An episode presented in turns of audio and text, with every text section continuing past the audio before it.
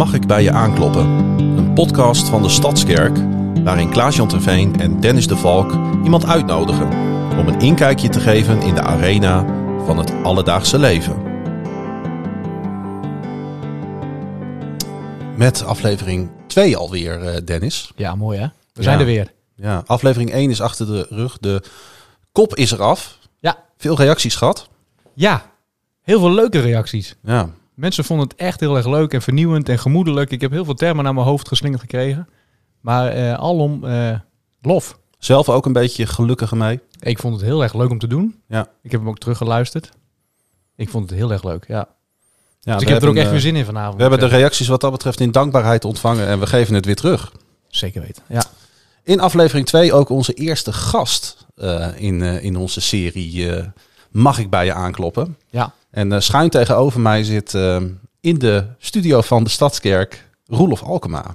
Ja, goedenavond. Ja, welkom in de kerk en welkom in de podcast. Ja, fijn om hier te zijn. Ja, Ja, ja heel erg tof dat je er bent. Eh, wij kennen elkaar al een beetje. Jij kent Dennis natuurlijk ook, omdat jullie. Ja. eh, allebei werkzaamheden voor de Stadskerk doen. Ja. We hebben jou ook al een beetje geïntroduceerd in aflevering 1. Maar voor de mensen die dat gemist hebben, wat, wat is jouw taak hier in de Stadskerk? Mijn taak, nou even eh, kort schetsen. Ik ben sinds 2015, zes jaar geleden, ben ik hier in dienst gekomen. Eh, en in eerste instantie ben ik hier werkzaam geweest een heel aantal jaren als zorgpastor en oudste en opziener. Ehm, en de afgelopen, het afgelopen anderhalf jaar eh, ben ik in dienst als pastor theologie en toerusting.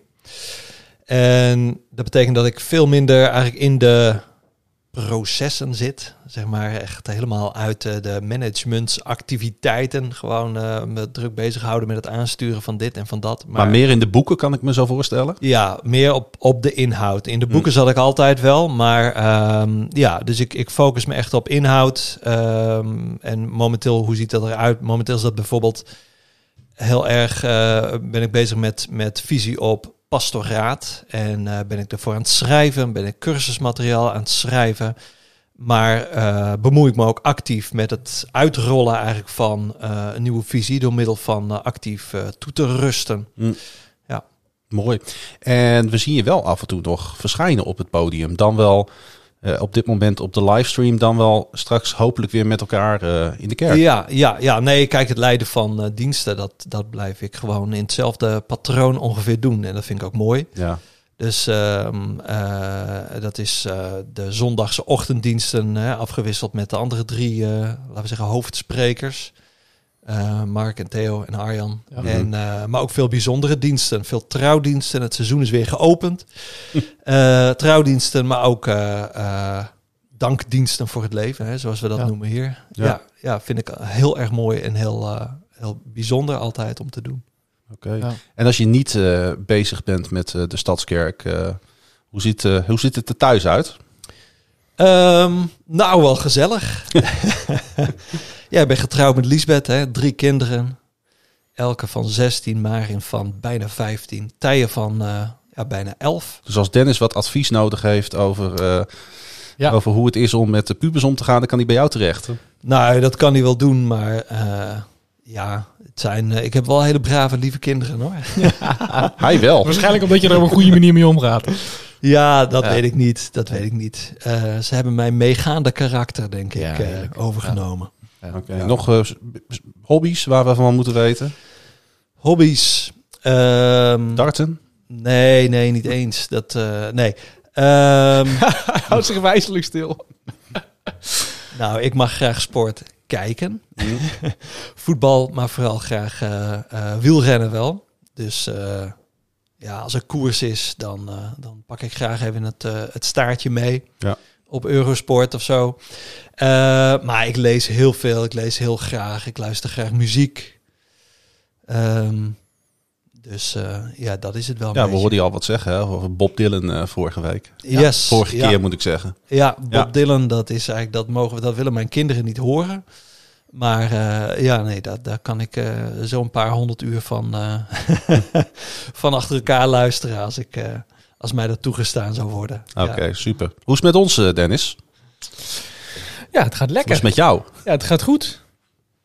Ja, Nee, heel kort. Nee, maar Ja. het gaat goed. Ik heb het druk. Ja. Ik merk wel, daar hebben we het vorige keer ook over gehad, hè? Hoe, eh, ik herinner me nog je mooie vraag, hoe eh, vind jij God in de drukte? Nou, ik Mhm. moet wel zeggen, eh, het is wel, ehm, ja, ik vind het wel te druk. Maar goed, ik, ik weet dat het druk is in deze periode. en Roelof, dat weten we allebei, dat we weer, eh, nou, jij zit, wat je zelf al aangeeft, bent weer wat meer uit het dagelijks proces. Maar ehm, als ik, er is ook al een soort reflex, hè? Hoe is het met je? En je hebt direct over je werk. Ehm, Ja. maar het gaat best goed met me. Nou, ja, ik heb natuurlijk, eh, daar hebben we het vorige keer ook over gehad, vorig jaar een nou, best een moeilijk jaar gehad. Ik merk dat, ik, eh, dat de, de bodem onder mijn voeten wel weer wat massiever en wat eh, solider wordt. Ik zag dat je een mooie foto op eh, Facebook had gezet van jouw woning. Ja. En de, en de ruimte daaromheen. Prachtig, hè? Ja. Ja, dat is best rijkdom. Ja, bijzondere Dat is ook, omgeving is dat, hè?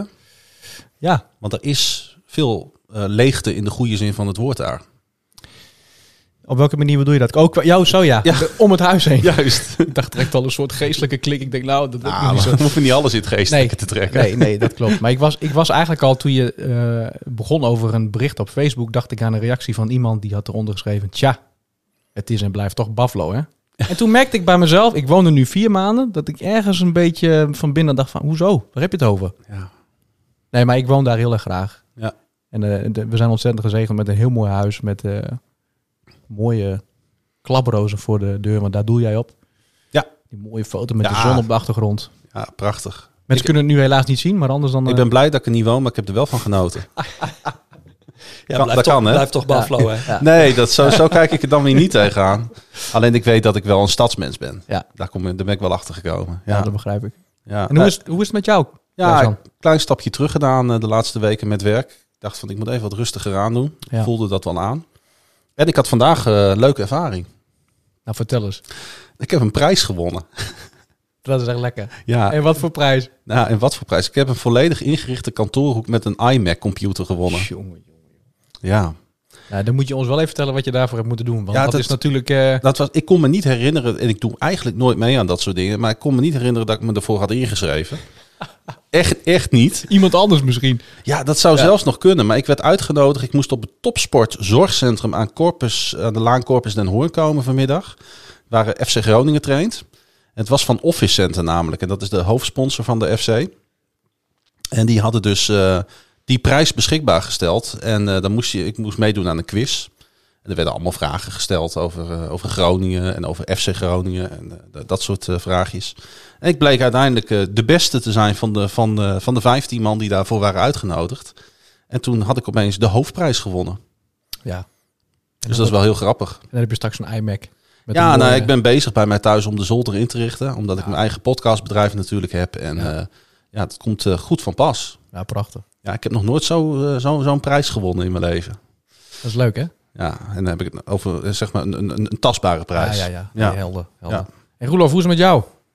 Nou, goed. Goed, jongen, de zon schijnt vandaag als nooit tevoren. Ik moet zeggen, ik kom hier met, eh, met eh, flinke hooikoorts. Dus dat Ja. is dan eh, de schaduwzijde daarvan.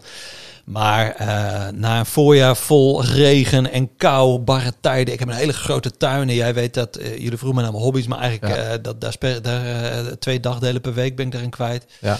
Ja, en nu is dat, nu kan ik daar twee dagdelen per week gewoon met de voetjes omhoog zitten en van de zon genieten. Ja. Dus ja, met, met dat boek, zeg maar. Ondervind je veel hinder van de hooikoorts of is het gewoon vervelend? Nee, valt wel mee. Valt wel mee. Ja. Het was vandaag even vervelend. Dus dan is het net eh, de een of andere pol die eerder nog niet open was, die vandaag eh, op bezoek komt. Ja. Die zegt, eh, mag ik bij je aankloppen? Mooi. Ja. Ja, en dan kun je de deur niet dicht doen, hè Roelof? Dan moet je hem wel binnen nee, laten. nee. Ik hou ervan.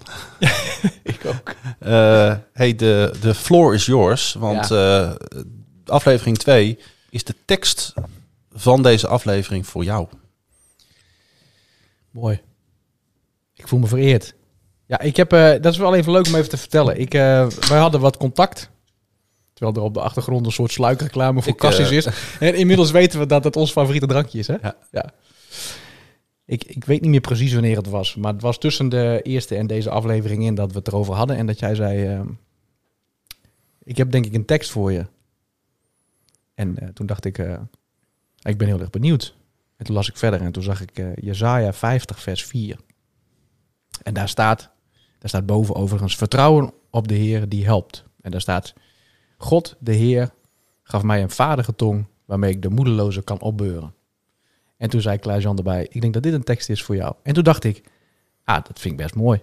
Dat is best een bemoediging. Maar toen dacht ik, ik wil hem live in de uitzendingen wil ik hem voorlezen. Ook om jou daarin te bemoedigen. Want dat is namelijk wat ik heb teruggekregen van mensen. Dat ze het zo fijn vonden dat jij eh, dat je dit doet. Ehm, en dat het vanuit. Dat ze, ze vindt het ook leuk dat ik het doe overigens. Maar dat is misschien wat meer vanuit mijn rol communicatie. Dus dan is dat wat meer gepast of zo. Maar mensen genieten ook van je rr, van je reilen en zeilen in de gemeente. Dus je vaderige tong, maar ook je kwetsbaarheid. Ik heb een paar keer teruggehoord dat mensen hebben gezegd van... Uh, dat is fijn dat jullie die, die eerste aflevering al iets over jullie zelf hebben verteld. Dus ik vind het een mooie tekst um, die jij mij gaf. Die mij ergens uh, is, ja, die is blijven hangen. En ik dacht, ik vind het mooi om hem ook als het ware weer symbolisch op dit moment aan jou terug te geven. Zo van, weet dat je echt een bemoediger bent. Nou, dankjewel. Het was wel bijzonder. Ik heb, dit, uh, ik heb namelijk de staftafel. Ja. We gaan even een klein beetje reclame maken. Viel me een beetje tegen dat bij de staftafel geen reclame voor ons gemaakt werd. Maar goed. Ja. ja. ik zal proberen de volgende ik, uh, keer. Uh, ik zal bij deze ook even reclame ja. maken voor de staftafel. Echt de moeite waard om daarna te luisteren en meegenomen te worden in weer dat rijlen en zeilen dan ja. van de gemeente. En die heb ik s'nachts geluisterd. Ik had gewoon geen tijd om hem eerder te luisteren. Dus ik dacht van, ik kan nu gaan slapen of ik kan nu die podcast luisteren, want ik vind dat ik dat moet doen. Dus dat ja. ben ik gaan doen. En ik werd bemoedigd en geïnspireerd door die podcast. Dus ik ben daarna gaan bidden. Uh, ik heb gevraagd aan God van, nou, ik wil eigenlijk wel Dennis een tekst geven. En, uh, ik weet, ik werd bepaald bij Isaiah 50. Ik weet niet waarom. En toen, nou ja, nu weet ik het. En daar vond ik dit. Terwijl eigenlijk Isaiah 50 best wel een moeilijk hoofdstuk is, vond ik. Want ik heb hem even helemaal gelezen. staan ook lastige dingen in. Over, ja, ook over, uh, over hele andere zaken. Maar er wordt ook gelijk een switch gemaakt hiernaar. Ja. Naar, die, naar de bemoediging en het vertrouwen. En ja, ik ben heel blij dat, dat, ik die, dat ik een paar uur slaap heb opgeofferd om, om dit, ja, zodat nu dit moment ontstaat. Ja, ja. ja, het is mooi. Amen. Amen. Ja. We gaan naar onze gast van deze week, Roelof. Ja. En ik heb... Um, ik zat even na te denken vanmiddag welke vraag ik jou als eerste zou gaan stellen. En het is de volgende geworden. Kun jij je nog herinneren het allereerste moment in je leven dat je merkte dat God er was? Voor jou. Dat is, een, uh, dat is eigenlijk wel een moeilijke vraag. Ja, we beginnen direct met de moeilijke. Ja. Ja, en uh, weet je, dan, dan reis ik in mijn hoofd echt terug naar schoolbanken, kerkbanken, mm -hmm. kindertijd, kleutertijd. En uh, dan is denk ik de aanwezigheid van God, het spreken over God, uh, het zingen over God, het zingen naar God en het bidden, is daar altijd in aanwezig geweest. En um, ik, ik ben opgegroeid in de gereformeerde kerk, vrijgemaakt. Um, en uh, jij bent ook van huis uit gegeven, je weet, je weet wat dat is. En ja. dat is een, um, op zich een prachtig kerkverband. Maar natuurlijk heb ik, uh, toen ik wat ouder ben, uh, heb ik een switch gemaakt. Uh, heb ik God op een andere manier leren kennen. Maar, ook nu ik nog weer wat ouder ben, weet je, ik kijk met zoveel waardering wel naar hoe ik God daar, maar vooral bij ons thuis, in ons gezin, heb leren kennen. Uh, en mijn ouders zijn niet, um, net als ik trouwens hoor, hele actieve uh, onderwijzers van, uh, nou, dit moet je geloven, zo zit het in elkaar. Um, maar God was een aanwezige, ook in het spreken, ook hoe wij gewoon als familie met elkaar omgingen en bepaalde, ja, dingen die we belangrijk vonden. En de manier, mm. denk ik, waar ik het eerst mijn gedachten naartoe gaan, is de manier waarop mijn vader aan tafel verhalen vertelde. En uh, daar zit voor mij zo'n, ook als ik nu terugkijk, dan zit voor mij zo'n diepe waarde in. Um, in dat vertellen van die verhalen, in het samen als gezin bij elkaar zijn rondom die tafel, wat ook de plek is waar je bidt en waar je Bijbel leest. Um, een soort heilige ruimte bijna. De, de, taal van je gezin. En dat komt ook doordat mijn vader uh, sinds een jaar of drie niet meer kan spreken. Hij heeft een, uh, een, uh, een hersen infarct gehad. En dat heeft zijn taalcentrum, of hoe noem je dat, eigenlijk eh, kapot gemaakt. Zij kan niet meer spreken, niet meer schrijven. Verder kan die eigenlijk alles wel. Ehm, dus dat is ook belangrijker. Ja. Daar ben ik me nog bewuster van geworden, van dat element. Ja. En Wat, wat waren dat voor eh, verhalen? Waren dat Ja. bij- bijbelverhalen of waren dat uit zijn Nee, eigen nee, leven? nee. Ja, uit zijn eigen leven. Uit Ja. zijn eigen leven. En ehm, eh, nou, een mooi voorbeeld. eh, bijvoorbeeld, mijn vader vertelde vaak het verhaal over dat hij eh, vroeger als, als jochie liep, liepen ze naar school en dan moesten ze ehm, over water. Het is een Harlingen, daar waren toen nog meer grachten en zo dan nu. En soms stond de brug open en dan moesten ze wachten, kwamen ze te laat op school. Hij vertelde, hij was een jaar of acht. En hij had geleerd van de andere kinderen, ja, dan moest je heel bedeesd, moest je en beschroomd, moest je de klas van de bovenmeester naderen en zeggen, meester, we zijn te laat, want de brug stond open. Eh, De heilige, de heilige meester die als een soort bisschop de Ja. kinderen eh, eh, ehm, eh, eh, de genade schonk om verder naar de les te gaan. En mijn vader die dacht op een dag, nou deze flauwekul. Dus hij was acht jaar en hij liep voor de andere kinderen uit. Hij gooide de deur van de bovenmeester open en zei, meester, wij zijn te laat, want de brug stond open. En die meester die liep naar hem toe. Wie zei dat? En mijn vader zei, ik. Bats, bats, twee dikke klappen voor zijn kop. En die man, als wij smiddags in kerk zaten, dan keken wij over het randje van, van de kraak, heette dat in een kerk, hè? eh, zeg maar de bovenverdieping. En beneden, daar zat die oude bovenmeester, een jaar of tachtig. En eh, de gier noemden wij die, want eh, dat paste bij zijn, bij zijn nek en zijn haardracht. Daar zit hij. Ja. Daar zit hij. En, maar wij, mijn vader vertelde dus, die kreeg, die kreeg klappen. Maar hij vertelde dat met als een geweldig vrolijk ironisch verhaal. En wij allemaal lachen, jongen. En weet je, daar zit een soort waarde in van, eh, je kan wel slaan. Ja. Maar eh, wij kiezen voor de lach en voor Ja. de vreugde. Ja. Ja. En mooi hoe je dat vertelt. Ik, dit, alsof ik erbij ben. Heb jij dat Ja. ook? Ja, maar- Jij hebt ook op je website staan dat je verhalenverteller bent. Ja, ja, ja, dat klopt. Ja, ja, ja dat is. ehm, eh, ja, dat ik verhalenverteller ben. Maar eh, nee, dat, Dat, is je het graag doet. Dat ik het Ja. graag doe. Ja. Dat ik het graag doe. Kijk, ik ben ook. eh, eh, ik ben natuurlijk ook theoloog. Ik ben theologie gaan studeren. En ik heb gemerkt dat. Ja, waarom wil ik dit doen? Wat, wat prikkelt mijn nieuwsgierigheid? Verhalen, verhalen, verhalen. En Ja. daar steeds dieper in te gaan. En eigenlijk ook de hele technische kant van wat, hoe zit dat met zo'n Ja. verhaal en hoe wordt het gezegd. Dus verhalen, dat, dat prikkelt mij. Ja. Hm. Is het ook de kunst om inhoud om te zetten in een verhaal? Ja, ja, of om inhoud te koppelen aan een, aan een verhaal. Ja, zeker, zeker. Dus als je het hebt over een eh, over nou, pastorale proces, wat ik zei, ik ben met, met pastoraat bezig op dit moment, hè, met visie, ben erover aan het schrijven. Hoe je onderweg met iemand eigenlijk eh, bezig bent, iemand uitvraagt van, joh, wat, wat is jouw verhaal, waar kom jij vandaan? En iemand kadert dat op een bepaalde manier in. Heeft misschien een beperkt zicht op wat zijn verhaal is. En je ontdekt met elkaar, misschien kun je op een andere manier kijken naar dit verhaal. Misschien zitten er meer kanten aan. En gaandeweg kun je ook eigenlijk misschien de Bijbel daarbij openen en zeggen van kijk, maar hier is een, een Hm. verhaal. En dat resoneert. En Ja. dat resoneert ook misschien met de andere manier van kijken.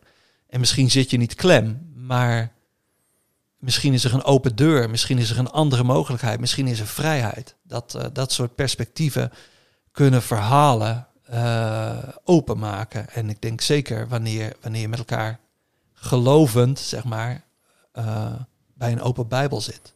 Ja. Ja. Hey, we zaten net in jouw kindertijd, als we eens wat eh, doorscrollen in de, in de tijd. Op een gegeven moment word je ouder. En dan zijn die ouders opeens minder op de voorgrond aanwezig. Was het, hoe, hoe heb jij jezelf gered op de momenten dat je ouders er niet waren? Ehm, nou, ik denk dat. ehm, Of kwam Liesbeth al heel snel om de hoek kijken? nou, sowieso dat. Ja. Dus Lisbeth heeft mij gered, denk ik. ja, nee hoor. Ehm, nou, hoe heb ik mezelf gered? Ik denk, mijn, ik heb hele fijne ouders. En die hebben mij ehm, zodanig opgevoed dat ze, dat ze ehm, heel bewust eh, mij richting zelfstandigheid en autonomie hebben eh, bewogen. Mhm. Ja, kijk, en je komt wel, eh, je komt jezelf onderweg wel tegen eh, als je volwassen wordt. En dan eh, met al je ideeën en je eigen wijsheid, er valt soms zo nu dan toch nog vies tegen.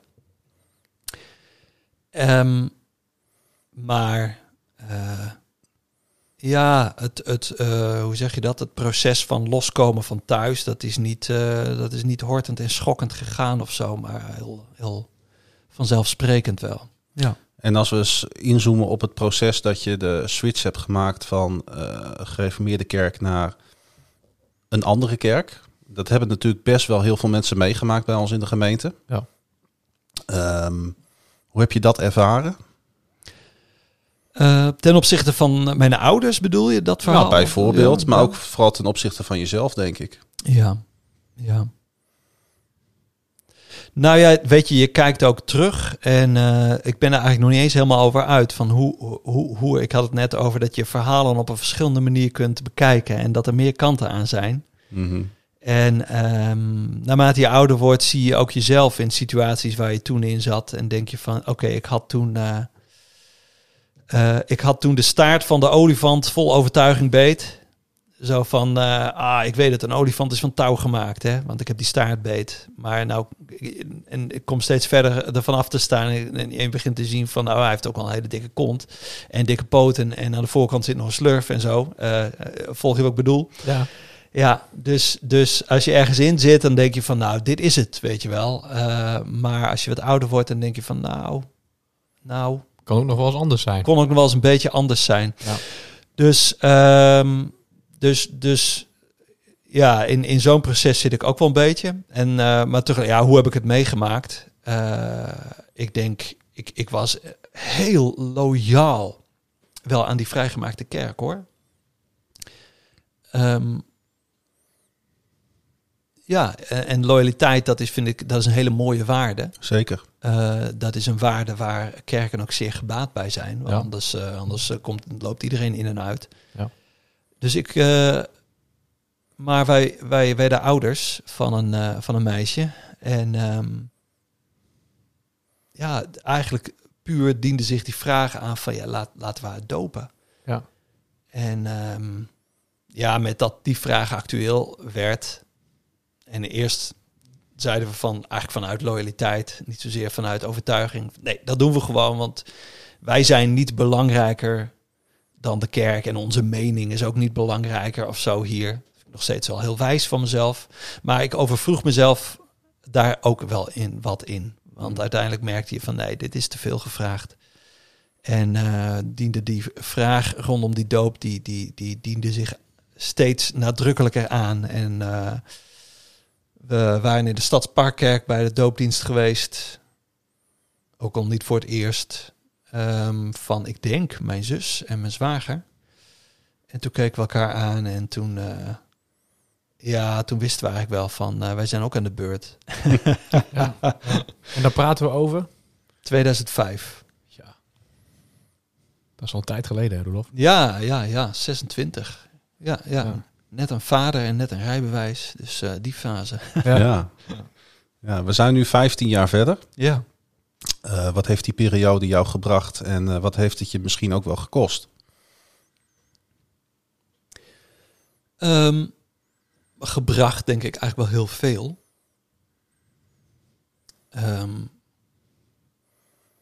ja, je bouwt samen een leven op in die fase. En eh, dat, dat, is een, dat is uitgegroeid tot een heel goed en een heel fijn, heel rijk gezegend leven. En ehm, een leven ook waarin eh Lisbeth en ik allebei heel erg ehm, aan het bouwen en aan het groeien zijn geweest ook. En aan het investeren. En ik moet zeggen, voor die overstap, voor die doop, zeg maar, was ik ook wel iemand die, eh, weet je, ik, ik had een jaartje kunstacademie, ik had een jaartje Nederlands gestudeerd en toen ben ik maar gaan werken, want ik dacht, ja, ik weet het, ik weet het ook niet. Eh, er is hier niet echt een plek in de wereld, zeg maar, eh, waar ze echt op me zitten te wachten. Nou ja, misschien later nog wat of zo. Maar voorlopig Eh, ik geloof het wel. Maar ja, door... Mocht dat er zijn van jou, die gedachte? Jawel, jawel. Maar het was ook wel een wat depressieve gedachte ergens. Hè? Dus niet, niet super gezond. Ehm, en nou ja, met eigenlijk die... Met dat we samen ook voor die doop gingen. Ook wel een heel bewuste keuze om te zeggen van... eh, nou, samen voor eh, volwassenheid. Samen voor je eigen gezin gaan. Samen eh, groeien. Samen bouwen. Toen ging het mij, voor mij ook in dat opzicht qua, nou ja, weet je wel, waar ben je verantwoordelijk voor en zo, wel wat ogen open. En toen ben ik dus aan een studie begonnen, studie theologie. En ja, daar ben ik eigenlijk steeds dieper in, eh, eh, in, in gedoken. Eh, dus de theologie is een soort, maar ook de Bijbel als een verhalenboek. Bijna als een soort rabbit hole, zeg maar. Verder en verder Ja. en verder studeren. Tot ik uiteindelijk in 2018, hè, dus van 2008 tot 2018 heb je het dan over, ehm, gepromoveerd. Ja. En, en eh, in, in dezelfde tijd Lisbeth ook allerlei ontwikkelingen. Lisbeth heeft, is net afgestudeerd als, eh, die was orthopedagoog, generalist, is er nog steeds. Heeft ook weer een opleiding gevolgd, is nou ook systeemtherapeut. En zo zijn we eh, drie jaar geleden naar Sauert verhuisd. Heeft ze haar eigen praktijk geopend, weet je. Ehm, bouwen en investeren, dat... ehm, even gewoon het hele positieve verhaal, in Ja. ieder geval omarmend. dat, dat heeft het ons gebracht. En daar genieten wij wel van. Ja. Ja, want je begint eh, je antwoord met eh, een rijk en gezegend leven. Ja. Kun je, kun je daar zo'n voorbeeld van geven? Eh, buiten de, nou ja, de opleidingen die je net noemt en de, de waar je mee eindigt net. Nou, rijk en gezegend in die zin, weet je, we hebben drie kinderen. en daar gaat het goed mee. Ja. We wonen op een prachtige plek. En de zon schijnt. Ja. en we hebben het goed. Ja, Eh, en we houden, Lisbeth en ik houden vreselijk veel van elkaar. We hebben het samen goed. Ehm, we hebben het goed met onze families. We hebben goede mensen om ons heen. Eh, Je gaat naar een geweldige kerk. nou en of. Ja, ja, ja. Nou ja, ja nee. eh, ja, goed. Dat is ook complex hoor. Ik werk in de kerk Ja, eh, waar ik lid van ben. Het was een beetje gekscherend, maar Ja. ik denk natuurlijk, er zit natuurlijk wel een kern van waarheid in. Dat, hè, ik ben wel, ik ben zoekende geweest in kerken. En dat je op een plek komt waar je op een gegeven moment van kan zeggen van, eh, ja, hier blijf ik. Ja. Dit is goed voor mij. Dat is belangrijk. Dat is ook weer een plek waar, eh, waar eh, die. ehm, dat heeft ook met die loyaliteit te maken. Dat, je- ik bedoel, zo ben ik opgevoed en zo zit ik in elkaar. Dat je je wilt geven, dat je je wilt verbinden. En verbinden ook aan zo'n groep en een club. Ja. En daarvan, gen- dat, ehm, weet je, dat bouwt je zelf ook weer op. Dus dat is goed voor je. Ja, Ja. Ja, Ja. Ik ben niet altijd zo loyaal geweest, maar ik heb, eh, ja, ik zie wat dat betreft wel naar jou op als ik dit zo hoor. Nou, dat zou ik maar niet doen.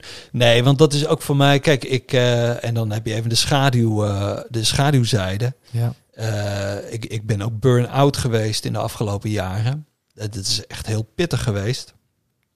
En daarin is die loyaliteit ook wel wat in een ander licht komen staan. Ja. Dat je denkt van, eh, my goodness, weet je wel, ik geef eh, mijn hele hebben en houden over en al mijn tijd. En iedereen mag altijd alles vragen. En ik eh chase op ieder moment de auto in. En het enige wat ik altijd maar kan denken is, wie stel ik allemaal teleur? Hm. Ehm, en ehm, dus als jij zegt van, oh, je zit in een geweldige kerk. Nou, dan eh, denk ik ook wel een beetje, ja, dat is ook de club die mij eh, door de mangel gehaald heeft. Dat heb ik zelf gedaan hoor. Ik bedoel, eh, maar het is wel wat complex. Dus ik eh, eh, kost me wel wat moeite eh, nog, ook al ben ik herstellender daarin, om daar nou eens even voluit van te genieten. Ja, nou, dat, is Ja. het, dat is het eerlijke verhaal dus ook. Zeker. Ja. Ja. ja. Ja, en als we staan nu in, het is nu, we hebben een coronapandemie, straks hopelijk bijna achter de rug. Wat zijn jouw dromen voor jezelf, voor je gezin en, en voor deze gemeente? Eh, dat zijn een hoop eh, vragen tegelijk. Nou, laten we bij jezelf beginnen. Ehm, nou, ik zit op het moment ook ehm, naast en parallel aan mijn werk hier. ehm, ben ik bezig met een opleiding. eh, contextueel pastoraat. En dat is ook voor mij wel een, een pad, een traject van weer opnieuw leren, maar ook wel heel veel over mezelf leren. Kun, je- kun je daar iets over zeggen? Over, want eh, Ja. ik, ik, in ieder geval over wat dat is, contextueel pastoraat. Ja, ja. Contextueel is eigenlijk, dat hangt aan de contextuele, eh, ja, het contextuele denken van Nodge heet die man. Heeft een, als je het opschrijft, denk je dat kan ik niet uitspreken, maar we zeggen maar. Ja. Een Hongaarse, Amerikaanse systeemtherapeut eigenlijk van ja, vlak na de oorlog tot eh, ja, 2005 of zo heeft hij eh, gewerkt en geleefd, geschreven, heeft, is ontzettend invloedrijk geweest. En die man heeft eigenlijk, die heeft het woord, nou, loyaliteit heb ik een aantal keer genoemd. Ja. Die heeft eigenlijk het begrip loyaliteit, maar dan vooral tussen generaties, van ouders naar kinderen. eh, en de kinderen brengen dat weer door naar hun kinderen. Ehm, en in het gezin waar je vandaan komt, wat heb je daar gegeven aan je ouders? Wat hebben zij aan jou gegeven? Wat heb je daar misschien gemist, weet je? En, en hoe dat je vormt.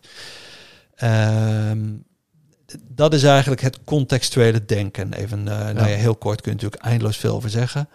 En eh, dat is heel mooi in te passen in ook eh, ja, pastorale Trajecten of trajecten, ja. pastorale trajecten. Ja, ik zit even met dat woord pastoraal, dat zal ook niet iedereen bekend zijn, maar gewoon ehm, dus eigenlijk zielzorg, eh, Ja. het één op één gesprek binnen, eh, binnen de kerk. Ja. Maar ook het, ook het aanwezig zijn binnen relaties.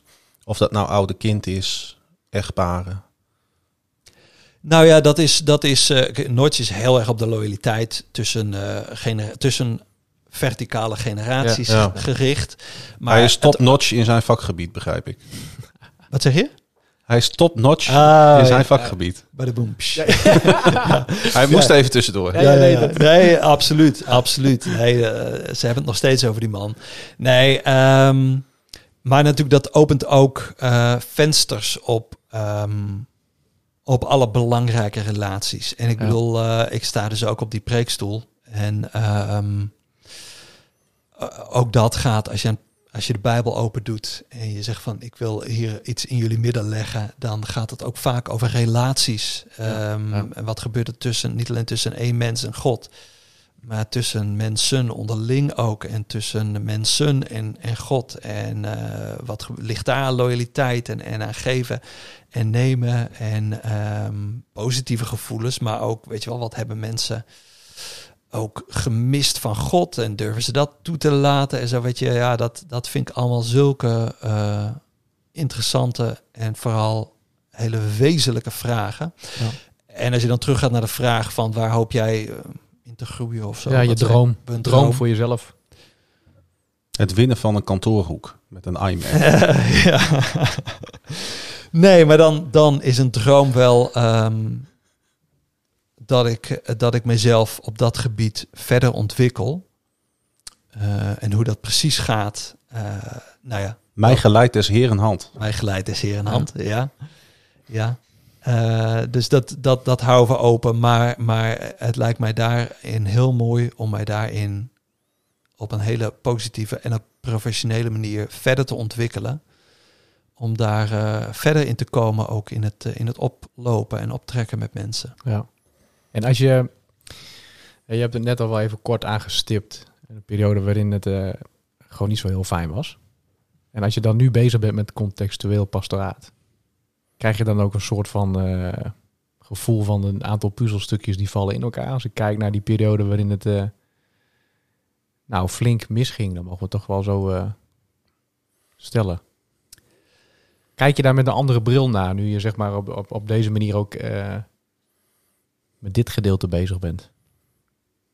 Nou, dat stukje niet Nee. Niet heel erg. Nee, nee. Het is niet. Kijk, je wordt wel. eh, eh, je, je legt jezelf wel even flink onder de loep hoor. En je eigen familiegeschiedenissen. En Ja. dat is allemaal hartstikke interessant, hartstikke mooi. Maar daar eh, heb ik, laten we zeggen, niet het, ehm, het, het. Hoe zeg je dat? Het zand in het radenwerk aangetroffen. Wat maakte dat ik. eh, dat ik met open ogen in de val van een burn-out ben gelopen. Nee, dat, dat zit. eh, Of had je dat misschien al eerder ontrafeld in je losstaand van deze studie? Want ik vraag me af, en dat vind ik... Ik ben er gewoon nieuwsgierig naar. ehm, Ja, weet je wat het is? Het is, eh, eh, ehm, je staat in je werk en de som, je ziet het niet altijd van jezelf. Nee. Maar je, je staat ook altijd met een soort geldingsdrang. Nou, dat is wat negatief verwoord, maar ook wel met een soort behoefte aan. Ik wil het graag goed doen. dat klinkt wel positief. Dat klinkt Ja, wat positiever, maar ja, voor wie wil je het goed doen? Waarom wil je het goed doen? Eh, en daar kun je wel in je hoofd, weet je wel, de prachtigste ideeën bij hebben. Maar het hart is soms eh arg, arglistig. Ja. Ehm, dus daar zitten ook wel eens motivaties onder en achter die ehm, ja, wat diffuser zijn. Ja. En dat je, dat je, nou ja, goed, het contextuele denken helpt wel heel erg om dat op het spoor te komen, inderdaad hoor. Ja. Ja. Dat je denkt van er- ergens heb ik, nog, eh, heb ik nog in mijn leven een soort achterstand op een stukje erkenning, wat ik graag ergens op kom halen. Ja. Ehm, en, eh, en Ik zou haast willen zeggen wie niet. wie niet? Nee, iedereen. ja. Iedereen. Ja. Eh, en, en het werken in de kerk is gewoon een plek waar, waar je zo hard voor mensen, tussen mensen bezig bent. Ja. Geven, geven, geven. En eh, ja, sommige mensen die hebben daar niet zo'n last van. Maar juist de mensen die zich aangetrokken voelen tot, laten we zeggen, die herderlijke klussen voor, voor die mensen, is, het- is het heel snel een valkuil. Ja. Om, eh, ja, om zich leeg te geven, zeg maar. En dan, dan hebben we ook nog, eh, hè, binnen het christelijk denken is jezelf leeggeven. Het is eigenlijk ook nog een heel eh, christelijk Ja, principe. Dus, eh, dus dan denk je, mooi opdracht of Hè? zo. Ja. Ja. Ja. Terwijl, ja, nee, pas op, pas op. En wat ben, je, wat ben je in je werk wezenlijk anders gaan doen? Want ik heb natuurlijk ook al verteld over dat je misschien qua taken nu ook wat minder nou, be- ja, bezig bent om te rennen voor mensen. Je bent wat Ja. meer bezig met...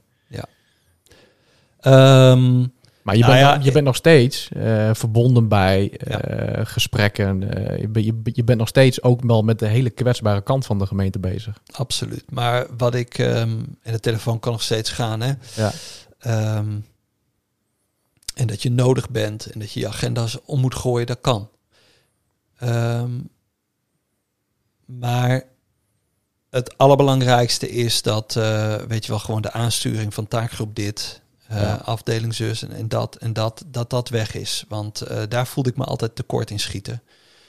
Ik was al met theologie en visievorming bezig. Ik was al wel bezig met één op één gesprekken, al had je daar eh, ook niet eens zo heel veel ruimte voor. Eh, maar dan had je nog een derde poot en dat is het aansturen van vrijwilligers. En Ja. dat, dat, dat schoot er gewoon bij in. En eh, dat is dan een stressfactor, want je wilt het voor iedereen Ja, goed doen.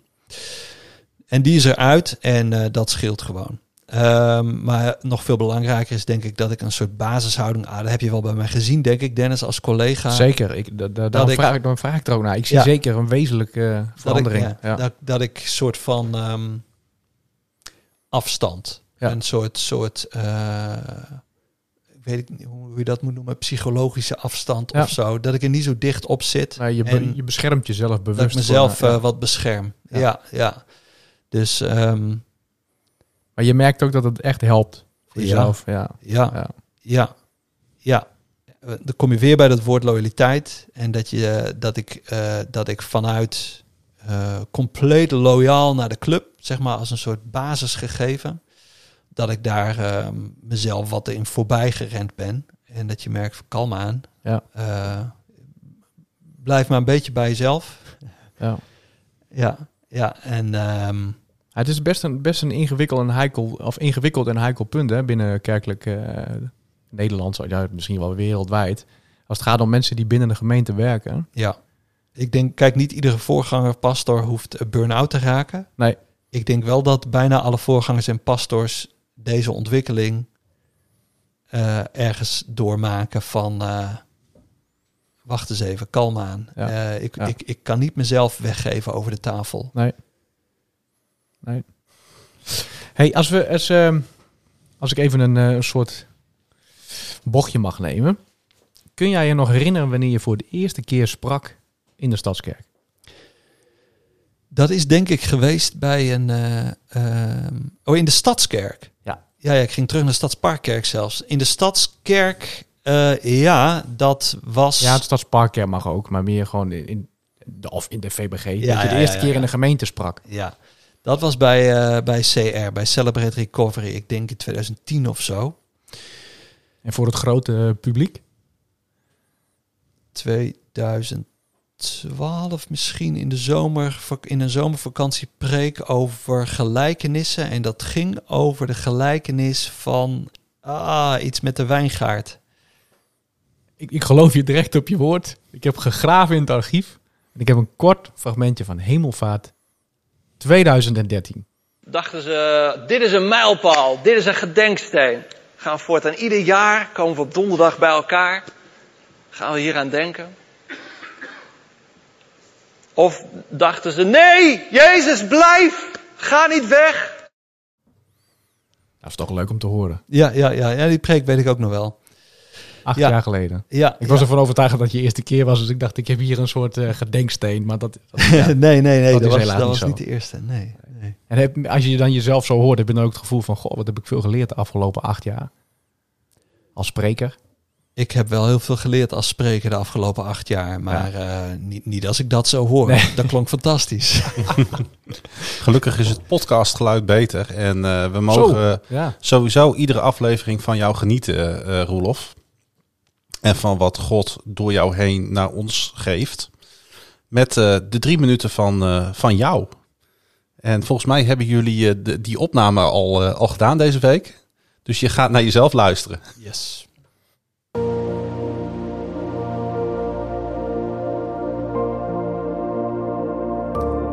Vrijheid.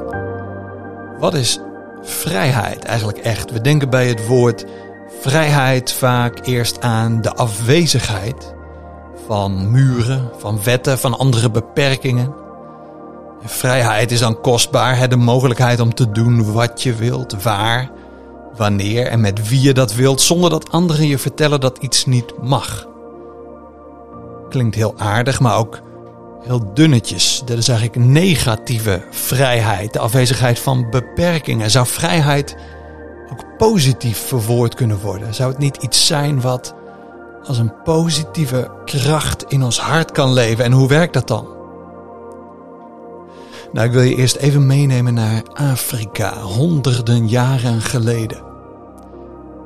Een populair soort voorstellingen op de straten van de steden in Afrika was het volgende. Kamelenhouders die sloegen hun tamboerijn en kamelen begonnen te dansen. Schitterend. Maar hoe? Hoe leerden ze kamelen om te dansen? Ze zetten die kamelen op het heetst van de dag, vol in de zon op het hete zand dat pijn deed aan hun poten. En de kamelen tilden snel naar elkaar één voor één de poten op om de voeten een beetje te sparen. Niet helemaal in orde denken wij nu, maar een lollig gezicht vond men toen. In ieder geval telkens wanneer ze zo die kameel gedwongen lieten dansen, sloegen de dresseurs ritmisch op een tamboerijn. En als je dat maar vaak genoeg herhaalde, gingen de kamelen ook dansen op een koele ondergrond. Zodra hij maar op die tamboerijn begon te slaan. En het verhaal van de kameel heeft een bekend vervolg gekregen in de honden van Pavlov. Deze Russische psycholoog liet iets meer dan 100 jaar geleden een kennel vol honden kwijlen bij het geluid van een belletje. Het belletje dat hij eerder steeds had laten klinken als de honden voer kregen. En die honden van Pavlov, die staan eigenlijk symbool voor het idee dat we als mensen eigenlijk ook maar blaffende en kwijlende slaven van onze dierlijke impulsen zijn. We zijn gewoon maar dansende kamelen. En dat idee past natuurlijk heel goed in de evolutietheorie. De mens als redelijk hoog ontwikkeld dier, maar een dier dat reageert vanuit primitieve instincten, geconditioneerde reflexen. En aan de ene kant heb je dus het idee van vrijheid als afwezigheid van beperkingen, negatieve vrijheid. Aan de andere kant het idee, joh, we zijn helemaal niet vrij, we zijn slaaf van onze impulsen. Ik wil daar graag het volgende tegenover zetten. Positieve vrijheid volgens Jezus. Heb je naaste lief als jezelf? Heb je vijanden lief? Jezus kent onze impulsen. En radicale liefde, dat is niet ons primitieve instinct. Het is een hoge roeping. Wil je vrij zijn? Leer radicaal lief te hebben. Niet alleen wie lief is voor jou, maar ook diegenen die jou pijn doen of hebben gedaan. Jezus daagt ons uit omdat Hij gelooft dat we vrij kunnen zijn.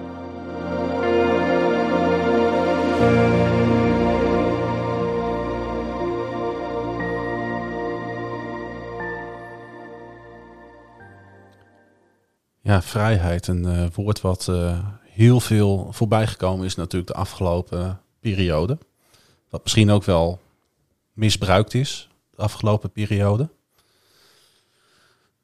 Hoe kijk jij tegen dat woord aan als je het op een spandoek ziet staan? Mhm. En eh, een forumspandoek, zeg maar. Of die mooie forumadvertentie over eh, we herdenken 75 jaar vrijheid. Bijvoorbeeld. Ja, ja. Nou, ja, wat, wat ik dan denk als ik dat zie, ehm, dat, ja, kijk, dan ben ik, dan ben ik wel een beetje de, de lezer, de denker, eh, eh, een beetje filosofisch ingesteld ook wel. Dus ik, ik neem heel snel afstand. En ik ga dus eh, zo'n woord beschouwen. En ja, ja. en dan- dan Je stoort je er niet gelijk heel erg aan dus. Ach, ehm, in mijn zwakke momenten eh, eh, dan wel eens wat of zo. En eh, dan neem ik daar wel afstand van of zo. Weet je wel, met de zaterdagochtendkrant als we naast elkaar zitten. Maar ja, nee. ehm, weet je, als je dat, eh, als je, het heeft niet zoveel zin om in discussie met elkaar te gaan. Nee. Eh, want dan, dan je- sla je de plank mis. Want eh, de ene heeft het over dit, de ene de andere heeft het over dat. Ik vind het juist mooi om iets op te halen en te zeggen van jongens, maar eh, wat is vrijheid in het licht van wie Jezus is? En eh, welke vrijheid heb je eigenlijk nodig in je leven? En, en ja, dat Er zijn heel veel mensen die willen niks van Jezus weten. Nee, nee, daar ben ik me ook, eh, daar ben ik me ook prima van bewust. Maar ehm, En het, ik bedoel dat niet als dooddoener, nee, nee. maar het is Ja, helaas wel wat, wat, wat we om ons heen natuurlijk zien. ja, ja. Nou ja, dan, dan, ja, dan denk ik juist dat het mooi is om, eh, eh, nou ja, dat is de reden, laat ik het zeggen, laat ik het zo zeggen, dat ik die drie minuten zo opbouw. Niet dat ik denk dat er heel veel mensen zijn eh, die Jezus niet kennen, die denken van laat ik die drie minuten van Roelof elke week luisteren of elke weet ik het. Ehm, maar wel, weet je, ik zet graag twee gewoon heersende ideeën, maar incomplete ideeën over vrijheid tegenover elkaar, om dat te contrasteren met Mhm. van, ja, maar luister, kijk nou eens naar wat Jezus eigenlijk met dat woord doet. Kijk nou eens wat het Bijbelse perspectief eigenlijk daarop is. En dan, ehm, Dan gun je de Dan- ander eigenlijk een andere bril. ja, ja, dus ook weer eh, eigenlijk welk verhaal vertel je over vrijheid, zullen we maar zeggen. Hè? Ja. Dus, dus er gaat een, ehm, ehm, ja, eh, ook hierin, weet je wel, ik, ik denk via verhalen, via de kamelen, via Pavlov. Ja. Maar ook wel via begrippen zoals negatieve vrijheid. Hè, dat is gewoon een, een ingekaderd fi- filosofisch begrip. En niet alleen christenen, maar gewoon de filosofie. eh, die die eh, zet dat in, in de filosofische woordenboeken weg als ah, negatieve vrijheid. De misvatting van veel mensen over wat ze denken dat vrijheid is. Ja. ja, ja, dat, eh, ja, zo denk ik, eh, zo benader ik onderwerpen. Dat vind ik leuk. Ja, de vraag is eigenlijk welke history maker ben jij en voor wie maak jij history? En dat lijkt mij een mooi bruggetje naar...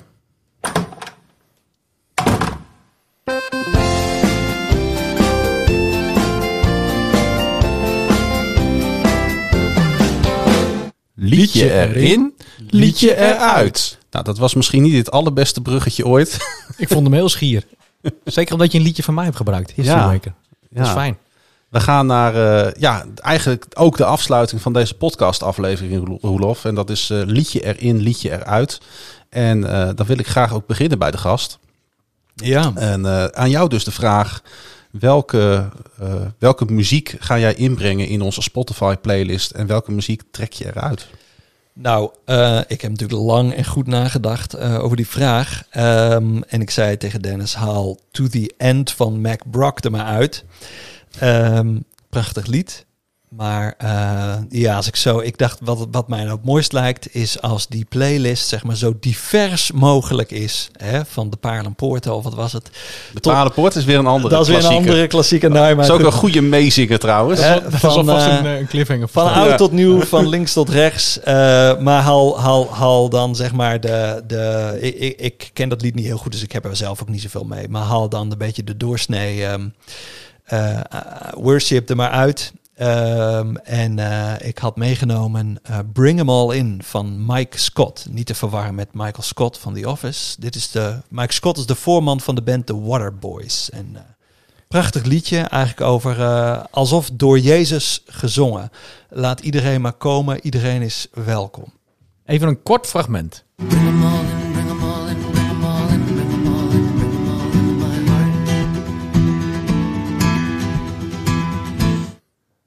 Ja, we mogen hele korte stukjes van Buma Stemra laten horen. Niet langer dan 10 seconden. En daarvoor ga je naar de playlist natuurlijk. hè. Daarvoor ga je hem de gewoon playlist. eh, op shuffle zetten en repeat. En dan kun je Ja. hem eindeloos luisteren. Wat vond jij van dit nummer? Ik vind hem lekker. Ja, ik vind hem lekker. Er zit een lekker ritme in. Hij pakt je. Hij blijft hangen. Oké. Ik vind, eh, er zitten ook een paar hele leuke passages in. Volgens mij ook eh, Bring 'em All In, The Sharks en de... Bring the little fishes, Ja, en de- bring the sharks. ja ik vind, Ja. het, ik vind Ja. het prachtig. Ik vond het textueel vond ik het een heel fijn nummer. Maar het werkt me een klein beetje op de zenuw, dat gitaartje op een gegeven moment, merkte ik. Want er zit, eh, het is wel heel snel. Het is niet een snel nummer, maar de, het gitaarriffje is wel... eh, oh, ik, ik, Ja, ik, ik, ja, merkte dat ik sneller ging ademen bij dit nummer. Het is Iers. Ja, Je moet hem, je ja er zit een bepaalde leren waarderen. passie in. eh, ja, een bepaalde muzikale historie zit er ook achter natuurlijk. eh, van waaruit ze dat nummer gemaakt hebben. Het, Ja. het, het raakt aan Ierse folk. Ja, klopt. Ja, ja. Goed, ik neem een stokje over. Ja. Ik ben heel benieuwd wat je eruit gaat halen, vooral ook, eh, Dennis. Ja, daar ben je heel benieuwd naar. Nou, zo'n eerste keer is dat best even lastig, omdat wij natuurlijk samen die top 10 hebben samengesteld. Ja, met heel veel pijn in mijn hart. Ik merk ook, eh, ik, ik sta eigenlijk met 1-0 achter. Want eh Roelof heeft een lied van mij eruit geknikkerd. Dus om het enigszins, enigszins weer een beetje gelijk te trekken, knikker ik een van jou eruit. Het is je vergeven. Maar dat is vooral om de reden dat ik de playlist aan heb. En iedere keer als ik dit lied hoor, skip ik hem. En dat is, ik zie een poort wijd openstaan. Ik vind het, eh, ja, wat jij ook al terecht zei, ik ben niet opgevoed en ik ben niet opgegroeid in een context, in een, in een, Mhm. in een omgeving waar dit soort liederen werden nou, gespeeld, gezongen. Maar ik heb een, eh, wel een gouden oude. Eh, en dat is een, een lied van Keith Green. De beste man heeft geleefd tussen 1953 en 1982. Hij is slechts 29 jaar geworden. Overleden aan een, of door een eh, vliegtuig, of een ja, vliegtuigongeluk. Ja, hij vloog zelf. Ja, hij vloog zelf, ja. Oké. Heel verdrietig verhaal. Ja. met zijn Ehm, kinderen. Met, zijn, ja, met twee van zijn vier kinderen. Ja. Maar het lied is... ehm, waarom ik hem gekozen heb is... eh, ehm, de titel is You Put This Love in My Heart. En het is, nou, het is er- ergens ook wel een beetje te vergelijken met het lied dat jij hebt. Eh, het is ook wat ritmischer. Best eenvoudig in de goede zin van het woord. Maar het is... eh, nou, ik denk 20 jaar geleden heb ik het voor het eerst gehoord. En het is ergens achter in mijn hoofd toch weer... Komt het af en toe terug. Komt-ie. There are some times when I doubt, but you always find me out. You put this love in my heart. Ja, volgens mij vindt Roelof het wel lekker. eh. Magistraal. ja. ja, mooi. Ik vind hem ook heerlijk. Ja. Maar de tekst is ook gewoon mooi. Someone like you cared for me. You put this love in my heart. I tried but could not refuse. You gave me the... You, nee, sorry. You gave me no time to choose. You put this love in my heart. Oké. Vind ik leuk. Ik eh, ga het volgende lied eruit halen en dat is By the Grace of God. En dat komt een beetje omdat we al een, eh, omdat we twee nummers van eh, Jan Johnson er nu in hebben staan. Ja. Dus ik denk, dan gaat er één van die twee gaat eruit. En ehm, het lied dat erin komt is van Travis Cottrell. Ja. Dat heet The Blood of Jesus Speaks for Me. En ik ga er gelijk even bij vertellen dat het lied ook vertaald is in het Nederlands. Volgens mij bestaat dit lied al vijf jaar. Maar de Nederlandse versie is op de allerlaatste opwekking-cd gekomen, opwekking 45. Ehm, en daar kun je hem dus in het Nederlands beluisteren. Maar ik, eh, ik voelde meer bij de Engelse versie en eh, daarom heb ik eh, deze uitgekozen. The blood of Jesus speaks for me. Be still, my soul, redeeming love. Hij heeft eigenlijk een hele simpele melodielijn, dit lied. Maar juist in de simpelheid van de melodie, met de diepte van de tekst, eh, voel ik mij heel erg thuis bij dit eh, prachtig lied. Mooi. Toch weer een hymne eigenlijk. Eigenlijk ja, wel. Dat is Ja. wel het woord inderdaad. Want er zit wel een mooie opbouw in. Op een gegeven moment dan is het echt alsof er eh, drie concerten of drie orkesten tegelijk te spelen. Ja. Dit is ook een- trouwens een live versie. Het, had, het, het eh, had ook een lied uit de jaren 70, 80 Engelse traditie kunnen zijn. Nou, het, het klinkt ook gewoon alsof het eh, van opwekking ook van 10 of 15 jaar geleden had. had Ja. zo'n zo'n klank. En ik hou daar ook wel van. Ja, ik vind het eh, heel erg mooi. Ehm, liedje erin, liedje eruit. En eh, volg die, eh, die playlist op, op Spotify. Eh, heb je de kritiek eh, op of juist niet, laat het ons ook weten. Hè, dat, eh, ja, we zijn nog op zoek. Jij hebt al heel veel engagement eh, binnengekregen privé. Ja. Maar we zouden het ook ontzettend leuk vinden als je eens een keer een mailtje stuurt. Of bijvoorbeeld op de Twitter-tijdlijn van de Stadskerk wat van je laat horen. Dat ook daar ons account wat meer gaat leven. Ja. Of op Facebook. Kijk eens naar wat voor app ik heb. Eh, ik kan het niet zien van de vier. Dat is gewoon Apple Music. Hè, Dus ik kan niks met die playlist van jullie. Als het goed is staat hij daar ook... eh, Toch wel? Nee, niet. Sorry. Nee. Nee. Nee. nee, Maar Spotify, je kunt deze lijst ook gewoon zonder Spotify-abonnement gewoon luisteren. Oké. Je hoeft geen abonnement hiervoor te hebben. Nee, maar dan moet ik toch Spotify downloaden. Ja, Ja, ja. daar heb je, Nee, heb je hoeft wat ook niet. tegen. Hoeft ook niet. Hoeft ook niet. Nee. Nee, je kunt hem gewoon in je browser In je openen. browser Ah, openen. Ja, oké. ja. Dus, Dus je, eh, komt, je ontkomt er niet aan, Rolof. Nee, nee, nee. nee. Tijdens het tuinieren. Ja, en het is... Lekker eh, naar Mike Scott luisteren. Bring them all in. Bring hem ja, al daar, in. daar heeft hij geen Spotify voor nodig, ben ik bang. Denk ik ook niet. Nee. Nee, eh, we zijn aan het eind gekomen van eh, aflevering 2 van Mag ik bij je aankloppen? Een podcast van de Stadskerk. En eh Roelof, ik wil jou bedanken voor jouw komst naar de Stadskerk. Ja, fijn dat ik er mocht zijn. Ja, Ja, super. bedankt.